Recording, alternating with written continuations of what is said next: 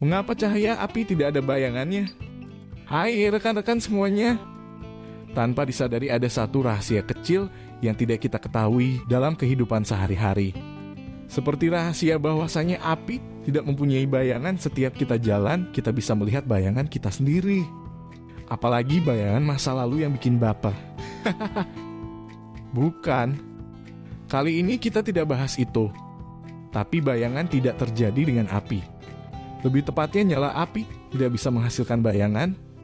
Hayo, sadar nggak? Kenapa bisa? Memang sih, materi ini jarang didapatkan di bangku sekolah. Berikut adalah jawabannya.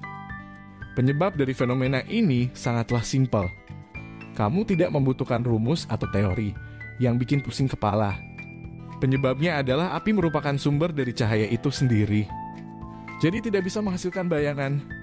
Jika permukaan api memang sumber dari cahaya api sendiri, permukaan api tidak bisa menimbulkan cahaya. Dan sebenarnya semua sumber cahaya tidak memiliki bayangan. Hal ini juga terjadi pada lampu so kalau kamu masih tidak percaya dengan penjelasan tersebut. Cobalah kamu nyalakan korek api. Jauhkanlah sekitar 1015 cm dari tembok. Perhatikan temboknya, pasti tidak ada bayangan yang muncul kecuali batang korek apinya. Jika masih ragu, coba aja sendiri. Sekian dari saya. Semoga tulisan ini bermanfaat dan menambah wawasan kita semua. Sampai jumpa di artikel berikutnya.